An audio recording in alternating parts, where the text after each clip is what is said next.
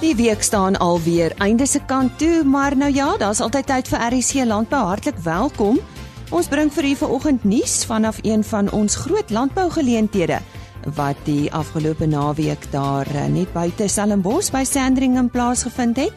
Ek het daar gesels met die hoof van uh, landbou by Hollard, Andries Wiese. Ons gesels oor die algemeen oor versekerings in landbou en die huidige landbouomstandighede. Dan vind ons meer uit oor hoender biltong en hoe dit gemaak word en ons praat oor Vredesberg se suiwelprodukte. Ons begin met landbou nuus. Volgens nuwe data van die Nasionale Oeskattingskomitee is die grootte van die verwagte kommersiële mielieoes nou op 10,655 miljoen ton gestel.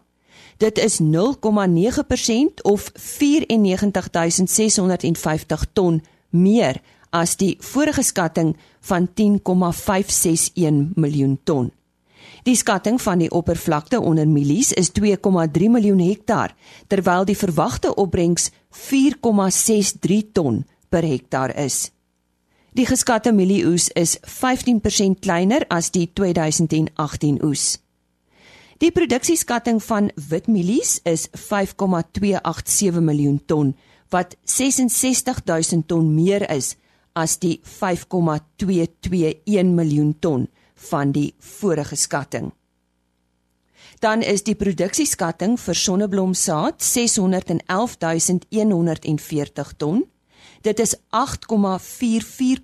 of 47550 ton meer as die vorige skatting.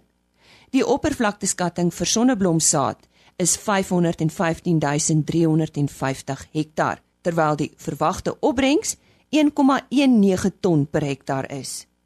Die produksieskatting vir sojabone is op 1,296 miljoen ton gestel, wat 1,55% hoër is as die vorige skatting.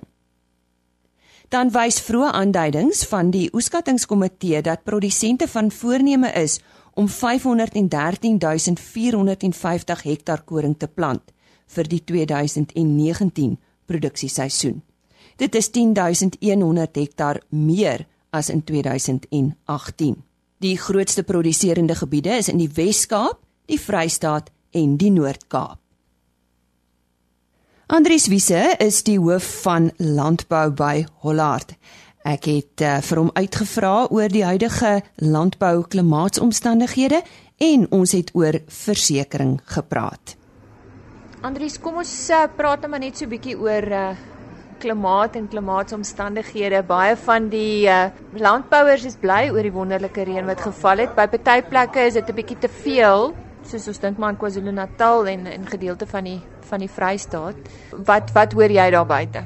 Ons het nou vir 'n paar jaar lank wat ons almekaar van vir mekaar sê hoe droog dit is en die ouens kry swaar en dis alles waar en dis alles regtig so.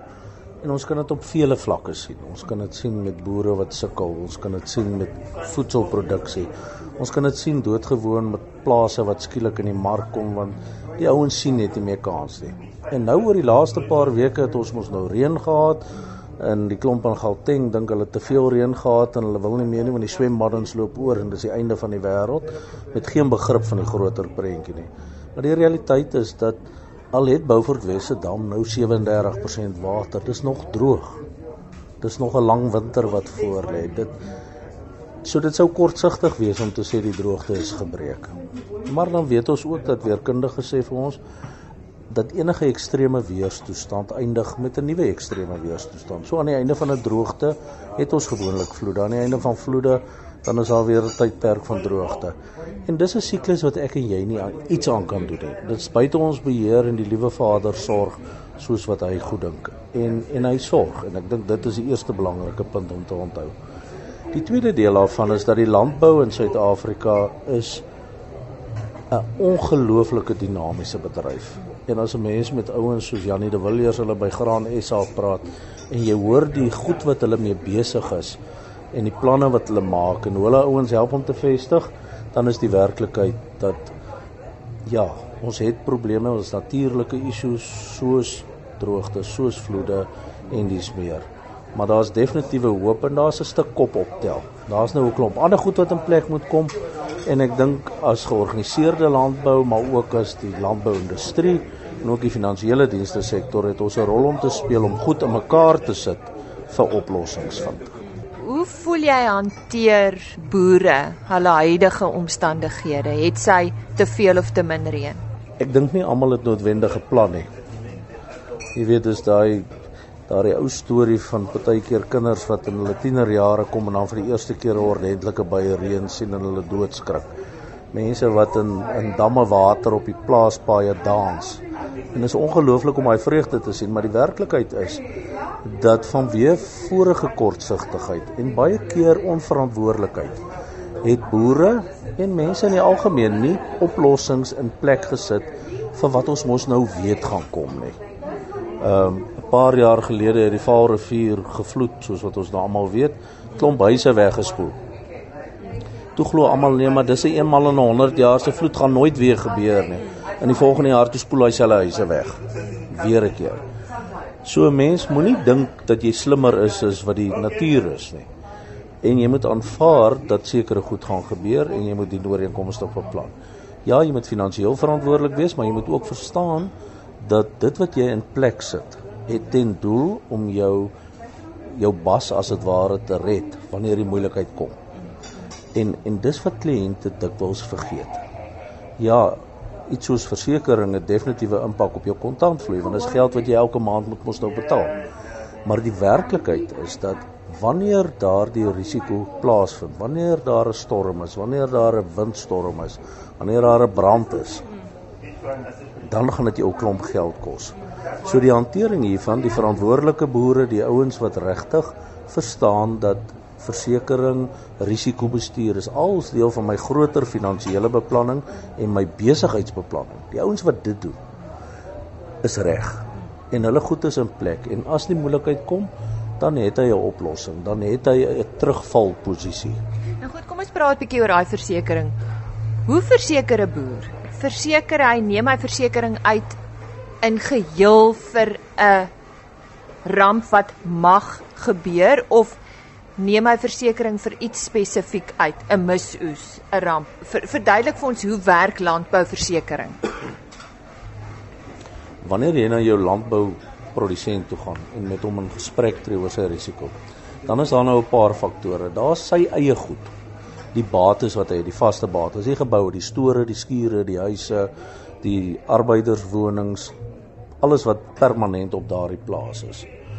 En in 'n ideale omstandighede gaan hy nou die leste een van hulle verseker in geval daar 'n storm, 'n brand, 'n wind, wat ook al gebeur.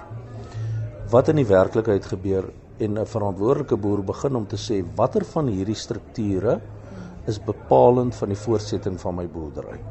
So 'n skuur wat net of 'n oop dak afdak wat daar ergens in die veld staan wat nou toevallig al 40 jaar daar is, is nie belangrik nie. Maar my pakhuis is krities vir my besigheid. So gaan besluit watter van daai goed. Dieselfde gaan met die roerende bates. Ek kan nie 'n oes inkry of uitkry as ek nie 'n trekker het nie, as ek nie 'n stroper het nie en iets meer. Dis die kritiese goed. Maar daai vierwiel speel dingetjie waarmee jy rondry is dalk nou nie die einde van die wêreld as hy groet nie. So mense gaan prioritiseer en besluit dit wat my besigheid gaan inperk as hy fout kom. Is die goed wat ek verseker dan sit ek natuurlik nou met dit wat ek produseer. En dit kan 'n oes wees, dit kan lewende hawe wees en en jy moet 'n besluit daar rondom neem. Daar's verskillende meganismes, daar's verskillende goed wat jy kan verseker. Jy kan jou beeste net teen brand en weerlig verseker as jy wil. Maar jy kan hom verseker tot op die vlak waar jy allerlei bosluis siektes en impotensie en 'n verskeidenheid ander goed dek. En dis 'n besluit wat jy moet neem. As jou veeartseny program en jou hantering van jou vee in plek is. Hulle is ingeënt, jy weet wat jy doen, hulle is gereeld gedoseer, jy behandel hulle teen bosluis, hulle word gedip en dis meer en dis meer. Dan is dit miskien nie krities nie want jy het beheer oor wat daar aan die gang is. Maar as jy dit nie gedoen het nie, dan het jy half nodig om 'n paar goed in plek te sit. Dieselfde geld met jou oeste. Jy kan begin by bloot net 'n haaldekking uitneem of net branddekking op jou oeste uitneem, maar jy kan ook 'n uh, sogenaamde MPCU dekking uitneem waar jy nou min of meer jou oes omvattend dek. Maar dis als 'n kostefaktor en dis als 'n verstaan van my risiko. Wat as industrie en as georganiseerde landbou ek dink regtig nodig is en daar's al 'n klomp werk gedoen en weer eens krediet aan sekere organisasies wat wat regtig moeite gedoen het daarmee. Suid-Afrikaanse Versekeringsvereniging, Graan SA, Agri SA, hierdie liggame wat gekom het en gesê het ons het nodig om teen rampe 'n bekostigbare en 'n goedkoop produk maar 'n effektiewe meganisme in plek te kry. En daai proses is deurlopend aan die gang en mense het regtig nodig om ondersteuning te gee sover as jy kan. Maar jy moet ook pragmaties wees en verstaan daar's uitdagings. Ehm um, en die staat moet ook betrokke raak by hierdie hele proses. As ons nou 'n bietjie kyk na of praat oor die statistiek tot julle beskikking, is landbouers oor die algemeen goed verseker of onderverseker? Ek dink die kort antwoord hulle is totaal en al onderverseker. As ons byvoorbeeld met die graanproduserende koöperasies, die landboumaatskappye wat primêr in die graan in die graanomgewing is, sal hulle vir jou sê 70% van hulle boere verseker nie eers hulle oeste nie. Nou die 30% wat verseker is wonderlik en is goed en is reg, maar daar's 70% van die oeste waarby ek en jy verbyry wat geen dekking in plek het nie. So as die moontlikheid kom, dan is daardie boer van sy eie kapitaalkragtigheid of sy bank se goedgunstigheid en sy finansiële erafhanklik. Die realiteit is die ouens is nie reg verseker nie. Daar's 'n klomp voertuie en ons weet mos nou almal van al die motors wat in Johannesburg ronddry wat nie verseker is nie. Dis nie anders op die platte land nie. Dis werklik nie anders nie. Ehm um, so daar is 'n algemene onverantwoordelikheid dalk te bespreek Ek dink die suksesvolle boere en die suksesvolle sakemanne in Suid-Afrika het egter wel al daardie knoop deurgehak om te verstaan dat versekerings en die hantering daarvan is nie 'n losstaande iets wat ek doen as ek een Saterdagmiddag verveeld is nie. Dis deel van my totale finansiële beplanning. En die werklikheid is landbou in Suid-Afrika vandag word vir 'n klomp redes blootgestel aan risiko's wat ons nie in die verlede was nie. Ehm um, besigheidsvorme verander. Dis nie meer Andrius Wiese se boerdery nie. Dis nou Andrius Wiese eiendoms beperk. Daar's direkteure betrokke, daar's direkteurs aanspreeklikheid. Uh en ons het in die laaste paar maande en jare gesien dat groot maatskappye se direksies en individuele direkteure verantwoordelik gehou word vir verkeerde besluite. Daar's aanspreeklikheid en dit kan jou kelder. Daar is die realiteit van bure wat nie meer goedertrou oor geslagte heen saamkom nie. En sonder om 'n oog te knip, mekaar sal dagvaar vir enige verliese. Of dit nou jou beeste is wat my mielies kom opvreet het of dit jou kinders is wat 'n braaivleisvuur laat Hanna uitdruk het en my plaas afgebrand het, die realiteit is ons dagvaar mekaar. Ons is verskriklik litigeer rind as 'n as 'n as 'n land op hierdie stadium en ons vat enige ou hof toe vir enige ding. En die werklikheid is daai hof voordat ek nog die skikking bereik het, kos my al 'n klein huisie vol geld net aan regskoste. En wanneer ek dan nou begin sê maar dis die regskoste wat nou van die verliese goed raak al hoe duurder. 'n Skuur wat afbrand is nie meer R20000 nie. Dis 2 miljoen rand. Dis 20 miljoen rand. En iemand moet daai cheque skryf en die onverantwoordelike boer reken nee wat dit gaan nie gebeur nie. Hy sal hom skryf. Hy sal hom een keer skryf en hy kan niks verder doen nie. Die hoof van landbou by Hollard, Andries Wisse. Ek het die afgelope naweek die voorreg gehad om hoender biltong te proe. Ja, en dit was nogal aangenaam. Ek uh, het daar gesels met die eienaar van die besigheid, Chase McCarthy. Hy vertel ons 'n bietjie van uh, hulle hoenderbedryf, hoe hulle betrokke geraak het en uh, ja, so 'n bietjie oor die biltong. Wat is eintlik jou besigheid? Well, we are a small scale free range uh, poultry farm out in Oakfield. Uh, we do about 2,000 uh, free range chickens every month. Um, and we've been in business for about going on two years now. Yeah. yeah. En hoekom hoenders? Um, well, we saw the opportunity. Uh, my wife's parents own an abattoir. Um, we worked, uh, we managed a chicken farm um, a couple of years ago, so we know what we're doing. And um, we saw the, the, the opportunity come for us. Land's quite cheap. Uh, we had the skills for it in place, and yeah, that's when we started. Nou daar's baie spesies hoenders, baie verskillende tipe hoenders. Is daar iemand iets spesifiek waarop jy konsentreer? Well, we, we don't do eggs. We just do uh, we raise chicken for meat. Um, so our breed of chicken is your, your the same one you'd find in the store. Um, your meat chicken. Yeah, basically. Maar as ek so kyk na die produkte wat jy het, is daar verskeie alternatiewe produkte. So 'n um, 'n hoenderboer En een van die produkte wat ek hier sien is 'n hoender free range chicken biltong. Dis so 'n bietjie iets anders. Waar die idee vandaan gekom? Um well before we had our before we started farming, um we would do certain things to make money because we never had stable jobs. I would make chili sauce and biltong uh, was my sideline job. And it became a hobby and it's been about 6 years now. And seeing as though I, I farm with chickens and I have access to chicken meat, I thought, why not try my hand at chicken biltong? It's, it's becoming popular and um, I could pick my own recipe. Hoekom is dit populêr? Is dit meer gesond, dink jy?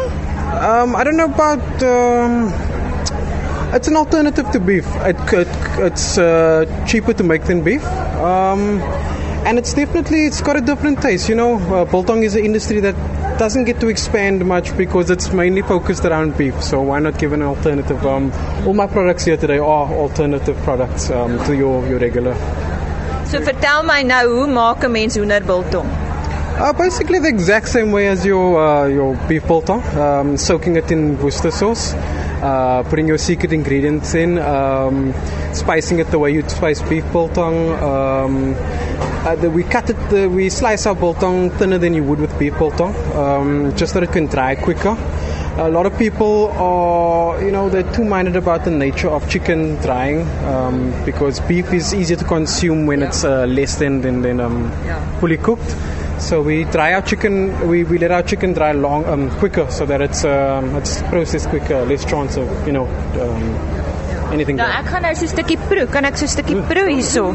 En nou nou my eie opinie gee van hoe smaak dit nou teenoor wildspiltong? Want dit is venison, dit's also in popular, ja. Mm. Man, dit proe maar vir my soos biltong. Ja, daar's nie veel verskil in hierdie in hierdie smaak wat ek hierso ervaar nie. Het julle nou ons weet in in in die biltong lyn kry jy 'n chili biltong en 'n barbecue biltong. Uh, doen julle dit ook? Yeah, we have a chili brand. We should actually let you taste the chili. Um, the chili is quite a unique flavor because we use a unique chili to do this. Um, that's the only real difference. But we try and focus our biltong tasting like beef so people can get accustomed to yeah. the fact that it is a biltong. You know, it's not a, a weird taste. Um, a lot of our clients uh, try it for the first time thinking that it's something bizarre.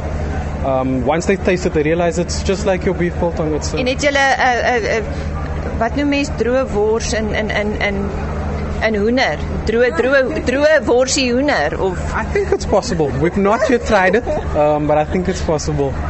Um, yeah, we, we we're only starting out. So um, I think I think I think soon we might branch into it. If the if the biltong kicks off, um, definitely there's opportunity for that. Um, en dit was dan Chase McCarthy van Hopefield Raised, hulle boer op klein skaal met hoenders.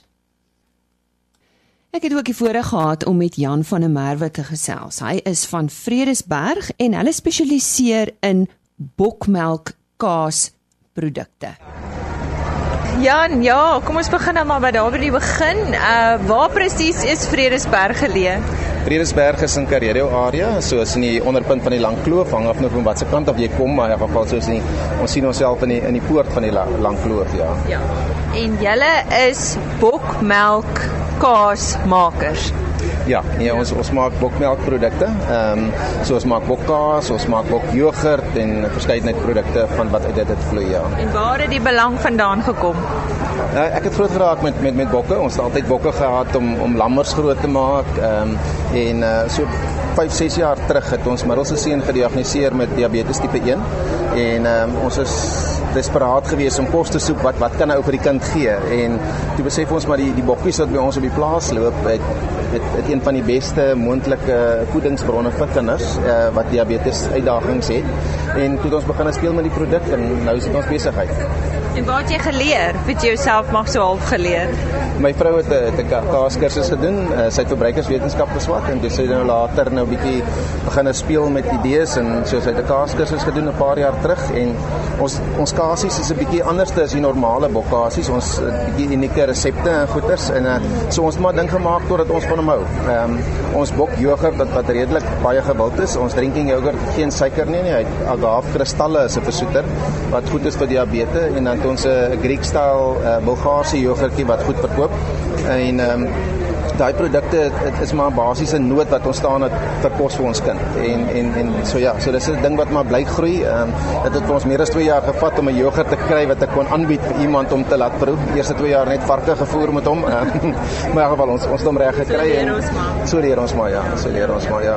Dink jy die Suid-Afrikaner is nog gemaklik met uh met uh, julle tipe produkte en die smaak daarvan of is daar nog maar uh voorkeure? Daar's daar is maar stigma aan bok. Ehm um, mense sien dit as is as anders of hulle hulle glo hulle proe bok in die, in in in 'n smake. Ehm um, miskien is dit iets waaraan jy moet gewoond raak, maar die die die smaak is iets wat op jou groei en ons glo ons te produk wat kan uit die niche mark uitkom na verbruikers item. Um, ons drinking yogurts uh, verkoop regtig en hy kom beteer goed met met met dit wat bekend is. Uh alhoewel dit nou 'n baie meer gesondheidsdrankie is as as as, as net nog 'n drinking yogurt of 'n dairy snack wat eintlik die klas ehm um, definition is van van baie van ons drinking yogurts in Suid-Afrika. Ons gaan terug 'n bietjie plaas toe. Uh hoeveel bokke het jy? Want ons ons bokgetalle groei nog. Ehm um, so dit hang af van die mark hoeveel ons ons ons melk. Ehm um, ons het gedraai so op 400 of 550 op 'n stadium. Ehm um, so ja, dit, dit ons glo daar's 'n paar groot markte wat vir ons gaan oopmaak en dan dan sal ons meer bokke so heidaglik uh, loop hulle maar in die berg. Ons is in 'n fynbos area, so hulle hulle loop maar daar en dan en dit wat ons die melk voorvang kan skuif uh, kom deur die stal, ja. En die droogte waardeur jy is, het dit enige effek gehad? Ja nee, dit is 'n uh, eh, ek ek is nie lank in Karedo area nie. Ek is 'n uh, Karoo seun wat uit Graafrenet area uitkom, maar ehm um, hulle sê vir my Karedo is die droogste nog ooit op rekord. Ehm um, so dis nie 'n maklike tyd gewees nie en ou het vir verliese gehad en daar is maar uitdaging. Ehm um, maar bokke dan ander vermoëns om te oorleef. Jy weet so ons ons kan struike benut wat ek met my skaap nie kon benut nie en daar is indringerplante soos wattels en goed wat eintlik niks beteken, maar totdat jy bok het en dan sien jy maar hy hy, hy kan hy kan iets beteken ja. Nou jou produk is suiwer bokmelk. Ja, ons het net ons het net bokmelk. Ja, jy oorweeg nie om dalk 'n mengsel in te bring nie. Ek dink as baie ouens wat blends doen, ehm um, maar ek dink ons gaan van ons waarde verloor. Ehm um, wat bokmelk baie uniek maak is die feit dat hy baie naby aan mensmelk is. So so ons liggaam het die vermoë om alles uit bokmelk uit op te neem. Ehm um, die bees se vetmolekules is 9 keer groter as ons in. So alhoewel op papier dalk lyk of ons dieselfde kalsium in dit is 'n bokmelk ehm um, of jou vermoë om die bokmelk se kalsium te onttrek baie hoër as byvoorbeeld wat dit uit beesmelk het is. Jy weet so so ons gaan waarde verloor as ons bees inbring. Ou kan miskien 'n volume groei, maar jy gaan waarde verloor en bokmelk uh, is 'n baie ehm uh, natuurlike bron van selenium. So so dit is uh, weet dit is is regtig 'n produk wat in jou immuunstelsel lig as jy hom gebruik. Ehm um, so ja, nee ons ons maak kaas wat ons glo is goed vir jou en so ons gaan hou by bok. Vertel ons 'n bietjie van die personeel wat uh, saam met julle werk. Hoeveel mense is uh, werk saam as dit kom nou by uh, die spesifieke kaasmaak gedeelte? Ons sê ons ons sien ons is 'n besigheid wat baie werksgeleenthede geskep het vir baie mense, maar ons het geen personeel nie. Ehm um, elke persoon wat op die plaas is, is 'n aandeelhouer in die besigheid. So uh jy stap op 'n plaas in sonder werknemers, net met shareholders. Ehm um, so ja, ons ehm um, binne in die kaaskamer het ons 5 mense wat wat voltyds uh met die kaas werk. En hulle het almal aandele. Almal het aandele. Ons het 'n werkerstras gestig en soos die die besigheid groei en daar later mense gaan bykom, sal hulle ook ook deel raak van die werkerstras. So is is 'n ons ons glo ons te besigheidskonsep ehm um, wat ek dink in 'n sekere sin landbou kan transformeer. Ehm um, as 'n as 'n shareholder sit 'n ou meer in in jou eie besigheid. Jy sit meer tyd in en jy kyk met 'n ander oog. Ehm um, ja, so so elke persoon wat nou werk en in die toekoms by ons gaan werk, sal 'n aandeelhouer wees en raak in Vredesberg en Towering Farms. Jan, As 'n boer, wanneer dink jy jy het bereik wat jy wil? Wanneer het jy gesê, "Oké, okay, ek dink wat ons nou produseer is genoeg. Anders raak ons te groot." Hoe weet jy wanneer jy op daai punt kom? Okay, ek wil eers begin ek boer miskien, maar ek is nie 'n boer nie. Ek ek ek het op 'n plaas groot geraak. Ehm um, ek glo ek is eerste 'n lig. Ehm um, die Here het gesê ons moet sy lig laat skyn. So as mens om mense te voed en lig te wees. Ek dink daar's altyd honger mense wat wat iewers moet kos kry. So ehm um, as almal gevoed is, dan is dit seker genoeg, maar maar voor ons daar gekom het ehm um, het, het ons nog nie genoeg geproduseer nie. Jy weet so. Maar julle wil nie uitbrei op die tipe produkte wat julle het nie. So julle het nou uh julle het nou jogurts, julle het nou verskeie kase, maar hou julle aan eksperimenteer. Ja, ons het ons 16 verskillende soorte kase. Ons ons ons jogurts ehm um, staan nou omtrent op 5 uh, wat kommersieel uit uitrol. Wat wat wat 'n uitdaging is is maar met jou food audits. Ehm um, vir elke produk wat jy sit, moet jy 'n ander food audit doen sodat dit dit maak dit moeilik. Ehm um, ons glo ons ons model om ehm um, om bokkies te laat loop uh, is 'n besigheid wat wat baie kan groei. So uh, ons wil later ander boere hê wat hulle personeel kry om ons bokke te laat loop op hulle plase. Die die voordeel van 'n bok is veral in ons area wat in Tsitsikamma is, daar's sloopies wat wat niemand anders te kan benut behalwe 'n bokboer. En as ons die vrouens op die plase kan kry om vir ons kuddes uh, aan te hou en ons kan die bokke gaan melk by hulle kan ons bitter baie nuwe melk in ons tank kry en ons kan baie mense bemagtig deur deur so 'n projek sonder om 'n hektaar grond te koop of af te staan kan ons 'n groot bemagtigingsprojek doen. So ja, ons ons ons ek dink ons het redelike hoeveelheid produkte veiliglik vir die mark. Ehm um, maar ons gaan bly eksperimenteer en, en kyk wat wat groei. Ehm um, maar ons wil ons liters baie op in elke produk. Hoe lyk die omstandighede nou daar in julle area net vir interessantheid? Ons het so 2 weke terug 'n lekker eentjie gehad en in die week het ons weer 'n nattigheidjie gehad, so die trekkers loop en ons moet die droë lande plant dat ons kan reg wees vir die winter. Ehm um, ja, dit is is is, is 'n moeilike tyd gewees. Is is ehm um, ons area is is 'n hoë reënvalstreek. Ehm um, so ons ons wil maar baie reën hê. Ja. Ehm um, ja, so so ja. Maar maar toestande is is voel positief. Ou se hart is is opgewonde oor oor wat kan kom. Ja, dit lyk na 'n goeie seisoen. Kan net gou weer vir my die maatskappy se jy het gesê um, om julle staan bekend as Vredesberg Empowering Farms. Dis stem daarvan Jan van der Merwe van Vredesberg en soos hy genoem het, hulle besigheid se naam is Vredesberg Empowering Farms en hulle is daar in die Kareedou omgewing geleë. Dit bring ons dan aan die einde van uh, ons kuier saam met u vir hierdie week. Onthou, uh, ons is maandagooggend om 05:30 weer terug met nog heelwat landbou nuus en uh, ja, ons uh, praat volgende week oor uh, oor sout en gemmer en heelwat interessante produkte en hoe ons Suid-Afrikaanse entrepreneurs woeker om hierdie produkte vir hulle te maak werk. Goeie en rustige naweek word u toegewens. Totsiens.